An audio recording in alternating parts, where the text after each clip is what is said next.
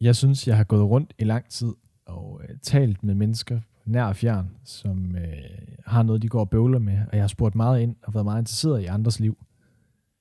Og det er som om, at den interesse har jeg ikke mødt er gået den anden vej, fordi det virker ikke som om, der er nogen, der spørger ind til, hvordan jeg har det, eller hvordan det går med mit liv. Og det trigger noget i mig, der gør, at lige nu, der taler jeg ikke med nogen om, hvordan jeg har det, fordi at i mit hoved, der virker det som om, at alle i omverdenen er ligeglade med, hvordan jeg har det. Så det er som om, at inde i mit hoved er jeg meget alene med det, jeg går med. Selvom jeg har mennesker, der gerne vil lytte til det. Jeg tør bare ikke tro på det. Velkommen til Følelsesvold. Velkommen til. Mit navn det er Markus. Mit navn det er Søren. Når man er ked af det, og når man er langt nede rent emotionelt, så kan en af de måske irrationelle tanker eller følelser være, at ingen interesserer sig for, hvordan man har det, eller bekymrer sig om, hvordan man har det. Der er i hvert fald ingen spørgsmål, der bliver stillet ind i forhold til, hvordan man, man kan have det. Og det er netop det, vi skal tale om i dag, nemlig følelsen af, at ingen interesserer sig for, hvordan man har det. Og Søren, det peger jo ret godt ind i noget til, som du er inde på her til at, til at starte med. Mm. Kan du sådan helt grundlæggende forklare, hvad det, hvad det kommer sig af, altså følelsen af, at, at, at ingen interesserer sig for, hvordan du har det? Hvis vi starter der. Det er et meget bredt spørgsmål. Ja. Det kan jo hurtigt udefra set, antager jeg, komme til at lyde som om, at det er sådan en, hvor, øh, hvor, hvor man bliver lidt ked over sin egen eksistens, og siger, hvorfor er der ikke nogen, hvorfor er der ikke nogen, der lytter til mig? At det bliver sådan en, øh, sådan en ynkesamtale. Men det synes jeg ikke, det er for mit vedkommende, fordi helt grundlæggende er jeg godt klar over, at der er ret mange mennesker i mit liv, der gerne vil lytte og også er interesseret.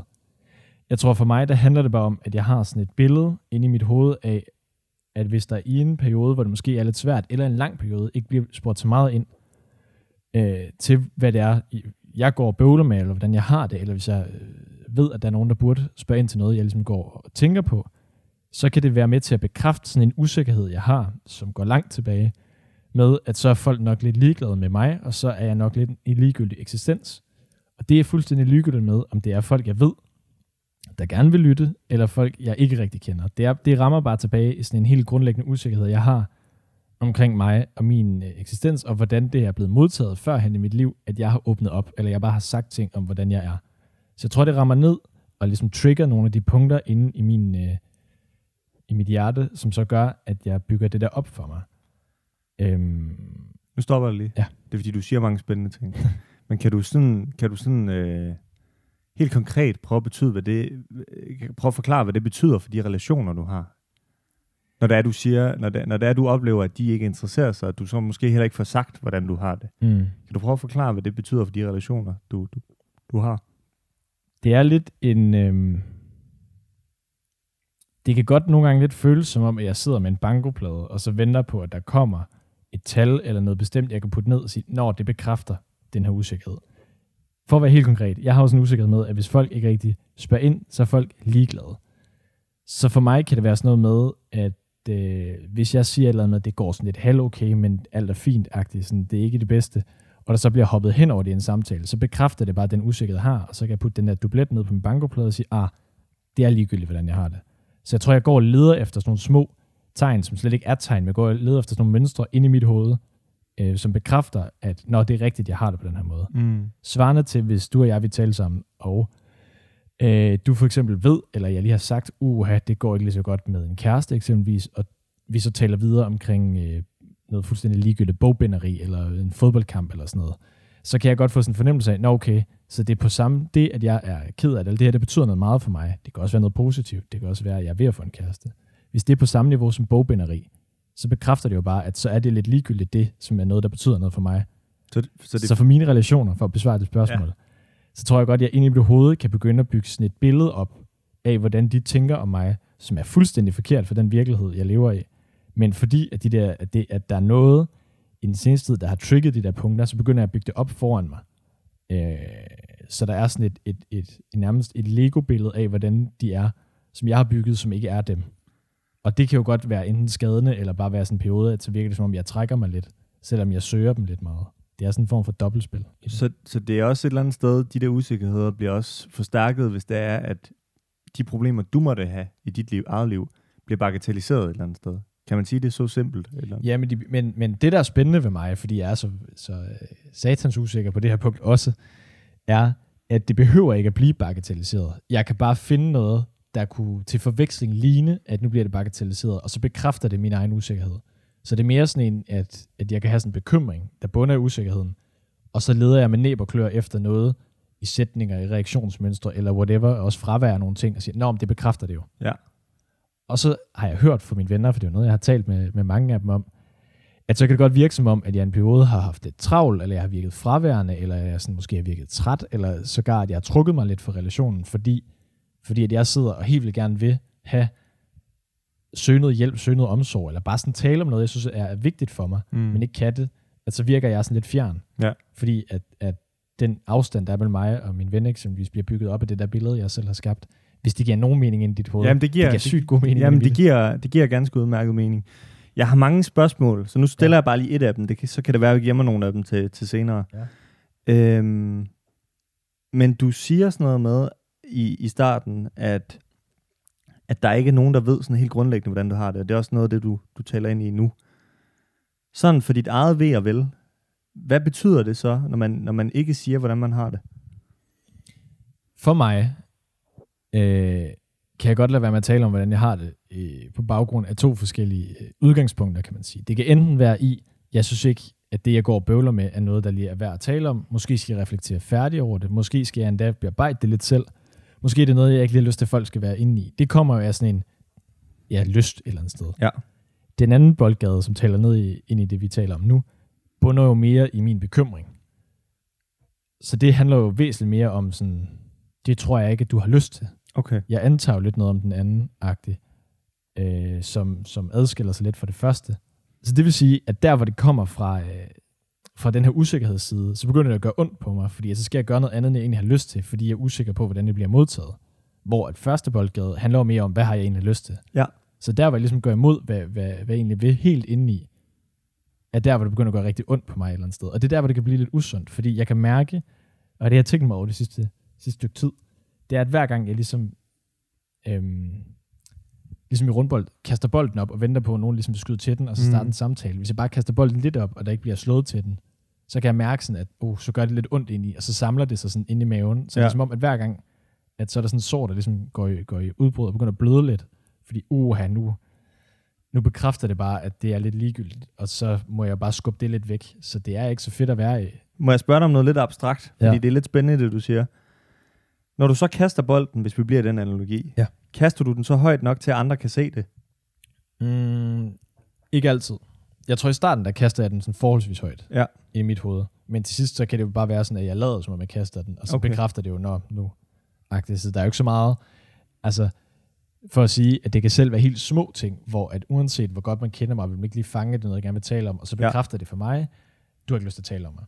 Og så bekræfter det lidt i den retning, det er ved mig, lidt, uh, nu er jeg lidt ligegyldig relation, nu er jeg måske lidt ligegyldig menneske, hvor er der overhovedet nogen, der betyder noget. Så trækker det op nogle rigtig gamle ting, fordi jeg er blevet mødt med, som vist nok er blevet nævnt en gang eller to på et tidspunkt i mit liv, at uh, rigtig mange tæt på var lidt ligeglade, selvom mm. jeg råbte rigtig højt. Selvom jeg kastede bolden helt vildt højt op, så ja. var der ikke nogen, der sådan skød til den. Um, så det er lidt det, det bunder i for mig. Men vi har jo i går talt om nøjagtigt det her samme, du og jeg, Markus. Um, så derfor vil jeg gerne prøve at vente den om, fordi du har lidt sagt til mig, og du må jo endelig afbryde mig, så jeg ja. ordene i munden på dig, men at du lidt, at, øh, at udfaldet er lidt det samme, at du kan i nogle relationer, eller nogle gange lade være med at sige noget, ikke fordi du ikke har lyst til det, men fordi du føler, at den anden er lidt ligeglad -agtig. Men det bunder lidt i noget andet, måske, end hvad mit bunder i. Hvad tror du, dit kommer af? Altså man kan sige, der hvor dig og mig nok er forskellige, er også, at dit behov for at tale om den ting, de, de slags ting, som du også er inde på, er nok større end mit er, sådan helt grundlæggende. Mm. Det betyder ikke, at jeg ikke har det behov, men jeg tror, det er større end dit behov. Når jeg så har brug for at tale om nogle ting, fordi det tror jeg, alle mennesker har i ny og næ, så synes jeg, at det kan være øh, ret svært at opleve, at, at dem, jeg rækker ud efter, er ligeglade. Og det, det, er, det, det er nok også grund til, at jeg synes, det er svært, at fordi det er ret grænseoverskridende for mig at at række den der arm ud et eller andet sted efter hjælp. Fordi det, det er sådan, jeg oplever det. Når jeg gør det, det kan være meget forskelligt, hvordan man gør det, men, men når jeg gør det, så er det tit efter, fordi jeg har brug for noget, noget hjælp til at komme over det. Øhm, og hvis, hvis, hvis, hvis der så ikke bliver taget fat i min arm et eller andet sted, så, øhm, så, så tror jeg, jeg synes, at det er sådan lidt et svigt på en eller anden måde, og for den relation, jeg så er i. Men betyder det i dine tilfælde, at den anden lidt, eller hvad du spurgte mig om, rent faktisk har mulighed for at forstå, at det er noget, der er vigtigt? Fordi man kan sige ved mig, der er jo behovet nok lidt større, så der kan man nok hurtigere gætte, der er noget at tale om. Men ved dig, du ved, dit behov er jo langt fra lige så stort som mit for at åbne op. Har den anden, lad os nu sige, det var mig i en relation, så mulighed for at vide, det her er rent faktisk noget, jeg skal spørge ind til? Ikke altid. Altså, slet ikke altid. Og det er, også, altså, det er også derfor, at nogle gange, så har jeg helt sikkert klandret nogle mennesker i mit liv, for ikke at række nok ud, men hvor jeg ikke har, kunne, øh, hvor jeg ikke har været i en position, der har sådan gjort det retfærdigt et eller andet sted, og, og klandre vedkommende. Øh, jeg tror, at dem helt tætte på mig ved godt, hvornår de skal spørge, og hvornår de ikke skal spørge et eller andet sted. Jeg har også oplevet for nyligt, at, at jeg har rækket ud efter hjælp i forhold til, til en omkring mig, hvor det egentlig ikke blev taget øh, seriøst. Og øh, det undrede mig lidt, fordi vedkommende burde godt vide, at det var sådan ret grænseoverskridende for mig at række ud efter hjælp på den måde. Øh, men hvor jeg ikke opfattede, at den der strækte arm et eller andet sted blev, øh, blev set overhovedet. Så, så, så nu kan jeg faktisk næsten ikke huske, hvad du spurgte om, øh, og på det, du sagde før. Men, men, men, men jeg tror et eller andet sted, at, at, øh, at jeg ikke altid kan være i en position, hvor jeg kan klandre andre. Var det ikke det, du spurgte om? Jo. jo. Nu siger du selv, at du ikke altid er i en position, hvor du kan klandre andre, for at de ikke opdager det. Hmm. Hvorfor er det så, at det alligevel trigger noget for dig? Fordi for mig kan jeg jo godt ret, jeg kan godt se på mig selv, at det er på baggrund af noget, jeg har oplevet, at så har jeg det ikke så godt med, at når det ikke i en lang periode bliver set, at jeg gerne vil tale om noget. Hvorfor er det så, at det også rammer noget ved dig? Øhm, så hvad bunder det lidt i, at hvis man ikke har den der håndsudrækning, hvis man ikke ser den, at det så stadig rammer noget i dig? Hvis jeg skal starte et helt andet sted, så tror jeg, at jeg er sådan et menneske, der kræver ret meget af mine medmennesker, sådan helt generelt på rigtig mange punkter. Og kræver også, at man opfører sig ordentligt, og kræver også, at man er gode kammerater og så videre. Jeg tror, at det punkt, hvor jeg måske er rigtig dårlig til at kræve noget af de mennesker omkring mig, det er nok i forhold til mig selv, og hvis jeg har brug for at tale om noget, som, som omhandler mig selv et eller andet sted. Og så tror jeg, at jeg har en eller anden idé om, at når jeg så gør det, at så forventer jeg også, at vedkommende omkring mig godt forstår alvoren i det, fordi det ikke er noget, jeg gør dagligt eller jævnligt, men at det måske mere et særtilfælde, at jeg gør det. Hvis man, hvis, man, hvis man sidder med den viden, og man godt ved, at det er noget, som, som jeg ikke gør jævnligt, og, men, men, men, men at det er mere, fordi at, at så er der noget om snakken et eller andet sted, men at man stadig ikke reagerer på det, så tror jeg, at jeg synes, at det er sådan lidt en negligering af mig som person et eller andet sted. Hvis det er en negligering af din person, hvis du føler, det er en negligering af din person, hvis nogen ikke ser, at det er lidt atypisk, du rækker ud, og derfor burde øh, se det, i hvert fald ifølge, hvordan du har det. Mm. Gør det så noget ved den måde, du sådan ser dine relationer på, eller den måde, du ser verden på? Altså med andre ord, påvirker det dit hoved, at du ved, det her er, er, en, er en følelse, du kan få? Fordi det er bare ret store ord, det her med, hvis du siger, at du bliver negligeret som person. Det virker som ret sådan en, en stor ting at tænke på sig selv. Hvordan påvirker det både den måde, du, du sådan tænker på, og måske også dine relationer? Et eller andet sted, så tror jeg, at øh, det kan være meget forskelligt, og det kommer også an på, hvor, hvor, om det er noget, der sker gentagende gange. Men jeg tror, jeg mister respekten et eller andet sted. Og jeg tror også, at øh, det giver mig mindre lyst til at spørge ind til, til vedkommendes liv, fordi at øh, jeg ikke synes, at jeg ikke synes, at man kan kræve noget af andre mennesker, som man ikke selv kan leve op til et eller andet sted. Så derfor så tror jeg for det første, at jeg kan godt miste respekten for nogen, der, der opfører sig på den måde i relationer. Øhm, og jeg mister også interessen et eller andet sted. Men jeg, altså, så tror jeg også, at hvis man sådan skal tage, hvis jeg sådan skal, skal kigge på mig selv i sådan et øh, fugleperspektiv, eller set udefra om ikke andet, så tror jeg, at øh, jeg går også sådan dybere ind i mig selv. Altså sådan, jeg lukker mere til, og jeg kan godt være sådan ret lukket, i hvert fald et privat menneske på nogle punkter. Øh, men jeg kan godt lukke endnu mere af, hvis det er, at det er noget, jeg oplever gentagende gange, øh, når jeg rækker ud og har, har brug for hjælp et eller andet sted. For mig, når vi taler om øh, det her med, at man ikke øh, føler, at der er nogen, der gider, eller har lyst, eller at der er nogen, der spørger ind i det hele taget, så er det jo måske meget mere mig, der øh, bygger nogle, øh, nogle øh, uvirkelige billeder op af dem omkring mig, som er min følelse, min usikkerhed, der taler om, hvordan de ser mig. Så det er sådan et eller andet sted, bunder jo ikke i virkeligheden, det bunder mere ind i, min, hvordan mit usikre hoved ser verden omkring mig. Er det også at, er der også noget uvirkeligt over det billede, du får skabt op af dem omkring dig, eller er det meget reelt? Kan du følge mig? Ja, jeg, jeg forstår klart, hvad du spørger om.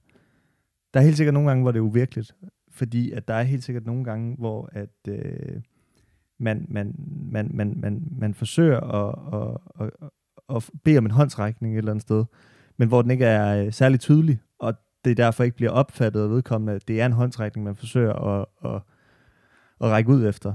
Øhm, jeg synes også bare at nogle gange, der er en sandhed i det, hvis det er, at man siger rimelig direkte, at man faktisk har brug for hjælp, og man måske ikke har det særlig godt.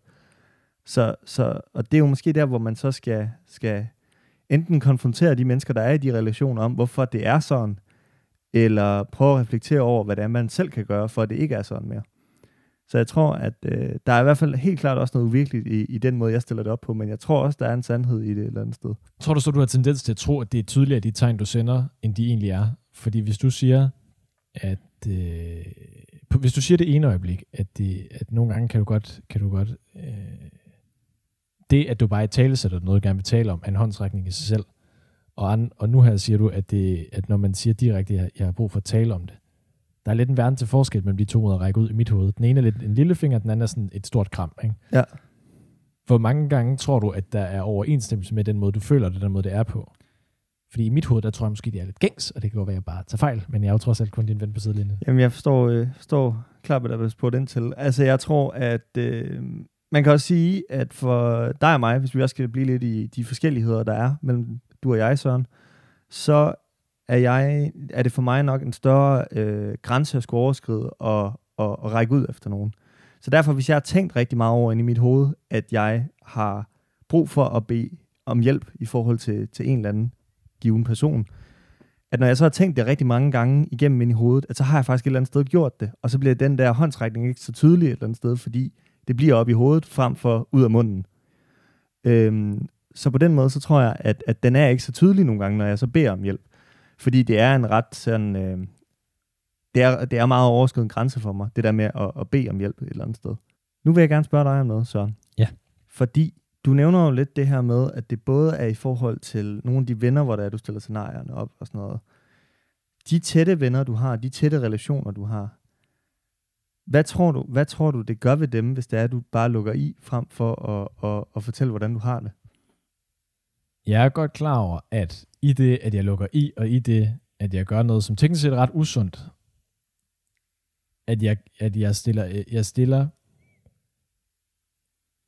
jeg tænker, hvad de tænker, uden de selv tænker. Med andre ord, så maler jeg det billede ind i deres hoved, de har mig, og sådan er det jo ikke. Det kan jeg godt regne ud, når jeg sidder og taler om det. Problemet er bare, at når det er så irrationelt og usikkert, så kan man sige nok så meget til mig. Jeg kan også sige det til mig selv, uden at det rigtig ændrer noget. Så jeg tror, at i de relationer, jeg har, der har jeg indtil videre, de gange jeg har haft det på den her måde, været nødt til at takle det selv. Jeg har ligesom nødt til at kigge på selv, hvad jeg skulle gøre. Fordi at, at, at man jo ikke er inde i mit hoved. Så hvis jeg har nogle venner, der sådan lægger mærke til, at jeg er anderledes, så ved de ikke, hvad det bunder i. Mm. De ved jo heller ikke, som jeg sagde tidligere, om det er den ene type lukken i, hvor det er fordi, jeg skal tænke mere over tingene, eller om det er den anden type lukken i, hvor det simpelthen er på grund af usikkerhederne. Så jeg tror, for de relationer kan det godt øh, stressteste dem lidt. Sæt det lidt på prøve. Det kan godt øh, jeg kan godt presse det mere ved at lukke i, end jeg, hvis jeg bare sagde, hvordan jeg havde det, fordi at lige pludselig så føles det jo som om, at, at, at jeg, jeg går fra den her relation og trækker mig lidt, fordi jeg ikke rigtig sådan åbner op, som jeg plejer at gøre. Det er jo mere for mig, end det er for dig, en, øh, en vende på tallerkenen, ved at jeg lukker i, fordi jeg normalt bare plejer at, at, at sige det, og være meget mm. henkastende omkring alle de ting, der foregår inde i mig. Og jeg har også på fornemmelsen, at i de perioder, hvor, øh, hvor jeg lukker i på den der måde, der er jeg mere mut, og jeg siger ikke så meget. Det tænker jeg måske, du ved, for du kender mig så godt. At jeg tror, i de perioder, hvor jeg sådan lukker i og ikke øh, siger, hvordan jeg har det, der kan jeg enten blive lidt småsur, eller bare ikke sige så meget, eller bare sidde og stene lidt. Ja. Og problemet det er, at sådan er jeg også, når jeg er træt. Så det kan være svært for venner, du ved, at vide, om det er det ene eller det andet. Ja. Men, men jeg tror, at for at besvare dit spørgsmål helt kort, så tror jeg, at jeg, jeg sætter det venskabet ret meget på prøve ved det. Ja, fordi det var, næ- det var næsten det, det næste, jeg ville spørge ind til. Mm. I forhold til det der med at, at holde sådan en distance til det. Fordi det, vil, det er i hvert fald det, jeg forestiller mig i mit hoved. Så må du kommer også med en antagelse omkring dig. Men, men, men det er det, jeg forestiller mig i hovedet, der også lidt sker ved, at du lukker i. Gør det noget ved de, altså, altså bliver I dårligere venner af det, af, at du distancerer dig et eller andet sted, sådan rent følelsesmæssigt i hvert fald, ved at lukke i? Giver det mening, det spørgsmål? Det giver mening. Indtil videre har det bare været perioder, som har fungeret lidt ligesom, hvis man, øh, hvis man har en ven, som arbejder meget i perioder, at så ser man nok lige hinanden så mange, så meget, og så de gange man gør, så bliver det mere sådan en over en kaffe, sådan lidt hurtigt-agtigt. Sådan tror jeg også, det har været for nogle venskaber i de perioder, hvor jeg har haft det på den måde, at så er det lige periodisk, har det lidt ændret det, men det har aldrig sådan vedvarende ændret noget. I hvert fald ikke siden gymnasiet, den gode gamle historie, hvor jeg græd foran en, som, øh, som, øh, som så ændrede vores relation. Men siden dengang, og det var nok måske heller ikke en relation, jeg var så sikker på, at var tæt inde på livet. Men siden dengang har jeg ikke oplevet, at det ændrer noget vedvarende. Jeg har jo haft en ven på et tidspunkt, som øh, i en periode, hvor jeg lærte vedkommende at kende, bøvlede med ret mange ting. Og det er ikke noget, der for mig øh, bliver problematiseret. Jeg kan sagtens være overhånden i visse relationer, og så kan den ændre sig, og så til sidst er man lige. Problemet med den her relation, det var, at den endte aldrig lige, fordi da, da han fik det bedre, så var det stadigvæk i sådan en samtalemæssig skala 90% af hans liv, og så måske 10% mit liv. Og det er nok sådan nogle re- typer relationer som det der, som ikke har været ægte venskaber, hvor jeg har skulle været en støttepude, og så de gange, hvor jeg så skulle, som man gør i venskaber, som man gør i alle relationer, lige vender den om og siger, nu har jeg lige brug for, at, at, at der er noget at støtte mig ved. At når den så ikke var der, så tror jeg, jeg har forvekslet lidt det med, at så er jeg ligegyldig. Fordi så er der en relation, hvor jeg højt, tydeligt siger, jeg har lige brug for at tale om det her, fordi det er noget, der er vigtigt for mig. Og så bliver mødt med, ja ja, men det minder mig om dengang, jeg havde det skidt. Sådan at når man bliver mødt med sådan en, en, en håndsrækning, og sådan åbner hjertet med en lussing, og så at den anden side åbner op. Det tror jeg er lidt det, det hele bunder i for mig. Det der med, at, at, at jeg er en ligegyldighed. Og det, jeg vil sige med det, fordi det er sådan lidt mere, end, end hvor kommer hele min usikkerhed fra, men det, jeg vil sige med det, min antagelse er nemlig, og det er grund til, at jeg vil sige det her, min antagelse er, at jeg tror, at man kan reagere som menneske på to måder af jeg har oplevet det der. Man kan enten, som mig, lukke helt vildt meget i og sige, så taler vi slet ikke om mig, fordi jeg har oplevet, at nogen var ligeglade. Jeg tror også, man kan gå den anden vej. Og det har jeg tænkt lidt retrospektivt omkring den her tidligere ven. Det kan godt være, det er det, han har oplevet. Han har måske oplevet det samme som mig, at folk ikke gider at tale om, om andre end dem selv. Og så være sikker på, at han får lov til at sige det, han har brug for, så gør han det fuldstændig modsatte af mig, og så sparker han det ud af og taler 90% af tiden om sig selv og det, han har brug for. Man kan jo sige, resultatet, i hvert fald inde i mit hoved af, hvad jeg kan se, det var, at det venskab, det stoppede lidt på grund af det, og de mine andre venskaber, hvor jeg lukker lidt ind af og bliver lidt ked af det i nogle perioder, de holder stadigvæk. Der er så den mellemregning, at det måske er stærkere relationer, jeg har nu, hvor at hvis jeg så taler om mig selv 90% af tiden, så ville det nok også gå, hvis det kun var for en periode. Jeg har bare tænkt over, at fordi anden mig lidt sur på ham, fordi at det har sat sig et ar i mig, som gør rigtig ondt, og som jeg kæmper med i dag. Men jeg tror godt, at jeg begynder at forstå, det er en anden reaktion, end den reaktion, jeg har på det samme, man har mødt, tror jeg. Fordi der er noget med det her, jeg gerne vil, vil spørge dig om, Markus, fordi at vi to har jo det samme reaktionsmønster. Mm. At vi lukker i og peger indad, hvor at ham, vennen, jeg har talt om, han åbner op og sparker ud af på en eller anden måde. Ja. At, sådan, at så skal det handle meget mere om ham, end, end hvad vi gerne vil. Ja. Tror du, og vi er selvfølgelig farvet af, at vi gør det på en måde, tror du, at det ene er mere ødelæggende for relationen frem for det andet? Fordi jeg kan jo bare kigge på den her relation, der døde af, at, at jeg følte, at han gjorde det. Det, det tror jeg faktisk ikke. Jeg Nej. tror faktisk, begge ting er lige ødelæggende, bare på hver sin måde. Fordi Mm. jeg tror også, hvis du... Jeg kan jo ikke sige det helt generelt, men jeg kan komme med en ja. masse antagelser, og det er det, jeg gør nu. Ja. Øhm, jeg tror, at hvis man er i relationer, hvor man bare lukker i helt på automatik, men den anden bare deler og deler og deler, men egentlig gerne vil høre, hvordan, hvordan man har det selv et eller andet sted, øh, så tror jeg, at det der med at føle, at man bliver mødt med sådan en distance et eller andet sted, kan være ret, øh, kan være ret øh, ødelæggende for en relation, fordi at sådan, hvad får du så ud af den relation et eller andet sted, hvis det er det, du søger, men, men den anden bare ikke vil fortælle, hvordan man, man har det et eller andet sted. Øh, så jeg tror, det er to meget forskellige ødelægningsmønstre et eller andet sted, men, men det er lige ødelæggende, tror jeg, på hver sin måde. Du excellerer i at sige spændende ting, Sonja Jonia, det kan jeg fortælle dig. Men jeg tager lige fat i, i, i en sådan et eller andet sted meget banal ting. Du snakker om det her med, at hvis, hvis det er, at der for eksempel også er en fordeling af, hvor taletiden er på det der 90-10, altså at det er 90% om, om, om vennens liv, og det er 10% om dit eget, så har du svært ved at agere i det et eller andet sted. Kan man kode det ned til at sige, at hvis det er, at du har, har brug for, at, at der bliver talt om nogle af de ting, du bøvler med, så er ignorance ret svært for dig at være i. Altså det er svært for dig at være sammen med mennesker, der er ignorante i forhold til din egen behov et eller andet sted. Det er faktisk det, jeg prøver at spørge ind til. Det er, jo- det er, øh, nu skal jeg lige tænke lidt mere, det er jo nok lidt det, der trigger det, tror jeg. Fordi det er okay at være det i perioder. Der kan, jeg har også venner, der i, i perioder arbejder helt vildt meget, eller har helt vildt meget på studiet, eller har nogle ting i familien, der lige fylder rigtig meget. Og i de perioder er det jo så fint at være ignorant. Jeg tror bare, hvis det kommer måske enten lidt mange steder fra, eller en lidt lang periode, så begynder det at trigge de ting, som det hele startede med. Så jeg tror ikke, at, at et udgangspunkt med, at man lige i et øjeblik eller for en periode er lidt ignorant på, hvordan jeg har det, fordi jeg er godt klar over, at mine venner har øh, travle liv og liv, de lever hvor, med alle mulige forskellige ting.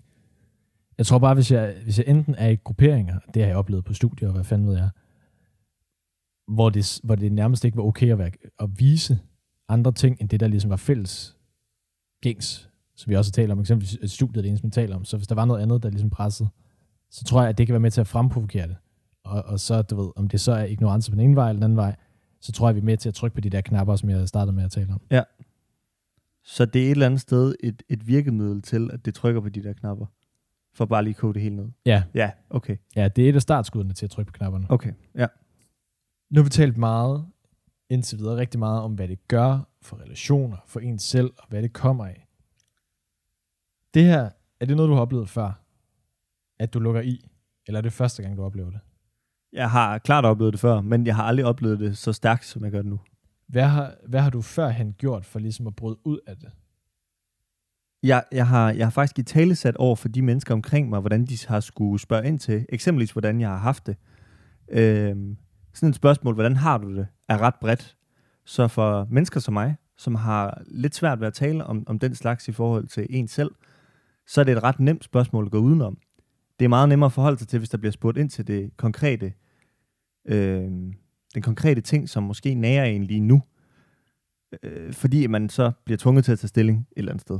Så hvis det bare bliver sådan noget med, hvordan har du det, så, så er det meget nemmere at gå udenom. Så det jeg faktisk har gjort helt grundlæggende, det er at begynde at stille krav til de mennesker omkring mig. Og, og, og egentlig faktisk et eller andet sted instruere dem i, hvordan de har skulle spørge mig. Og det virker jo lidt åndssvagt et eller andet sted, når man godt er klar over, at det er det, der er problemet. Men det kan alligevel være med til at, at hjælpe nogle af de ting med at kunne bryde ud af det et eller andet sted. Du har det jo lidt på en anden måde, kan man Ja. sige. Og det er jo lidt nogle andre ting for dig, der, der trykker. Mm. Har det altid været, altså, det, jeg ved jo, det har, ikke, det har jo ikke altid været et problem for dig at, at, at lukke i videre.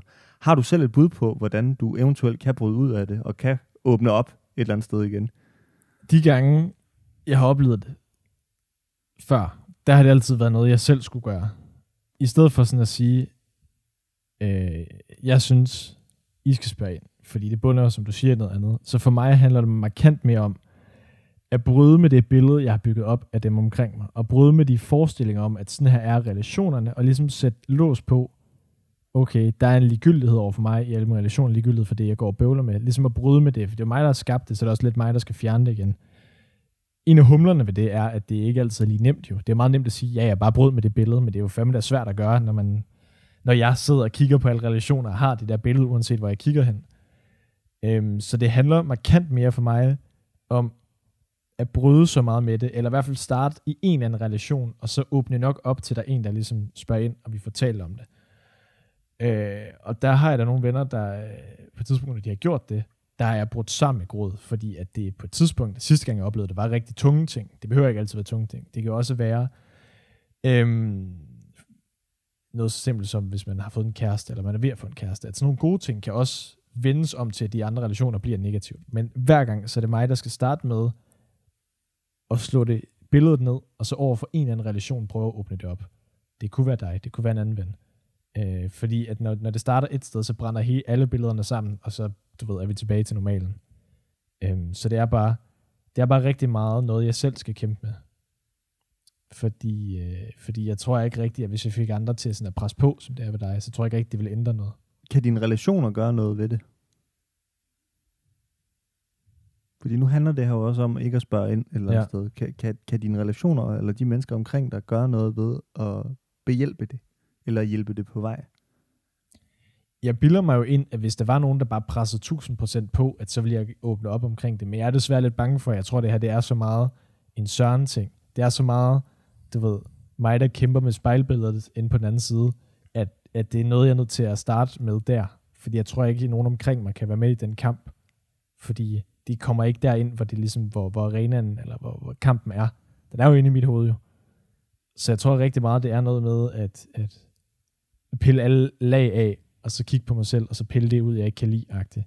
Så, så jeg tror, jeg tror, selvom det kunne være, være, være et rigtig fint svar at give, ja, mine venner kunne godt gøre noget, så tror jeg ikke rigtig, det ville ændre det store, før jeg selv ligesom har lavet forarbejdet. Lidt som en afrunding, og lidt i forlængelse af, hvad du sagde før, at du er god til at kræve noget af andre, i mange andre sammenhæng, bare ikke lige på det her punkt. Kan man altid, kan du altid kræve det at dine venskaber og andre relationer, at det er noget, man skal tale om? Fordi jeg har en bekymring, det bunder jo en bekymring og en usikkerhed, at der er nogle aspekter ved mig i relationer, selvom de er opstillet illustratorisk og ikke findes, at det kan jeg ikke kræve, at vi taler om. Tror du, tror du, at du altid kan kræve det af dine venskaber?